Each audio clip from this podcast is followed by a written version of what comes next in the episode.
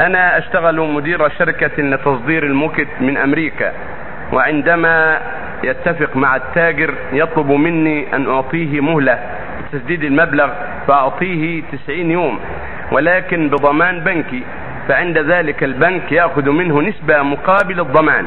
فما حكم ذلك؟ أما أما الإمهال فأنت مشكور. إمهاله في قضاء ما عليه حتى يستحل له القضاء أما مسألة الضمان البنكي فلا يزال فيه بعض الإشكال. الأصل فيه أنه منع. هذا هو الأصل في الضمان البنكي المنع لأنه يأخذ هذه الزيادة في مقابل ما قد يسلمه من المال عن المضمون عن المضمون. فقد يكون هذا داخلا في القرض الذي جرى ربا جرى زيادة فإنه يسلم عنه مالا بزيادة.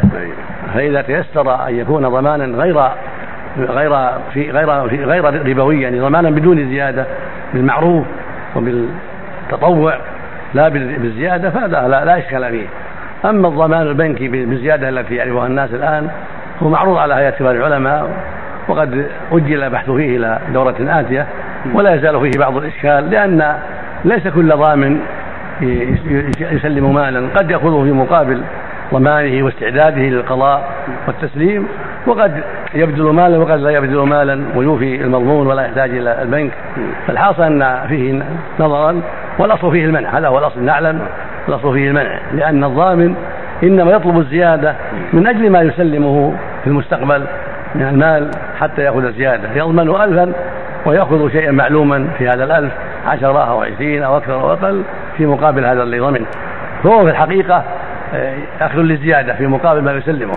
فكأنه قال أسلم عنك ألفا بألف وعشرة. فيقع في الربا. نعم. فينبغي تركه مهما أمكن. نعم. نعم.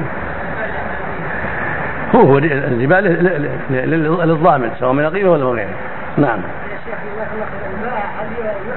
نعم.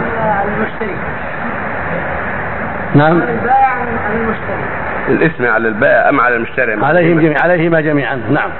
لأنهما اشتركا نعم.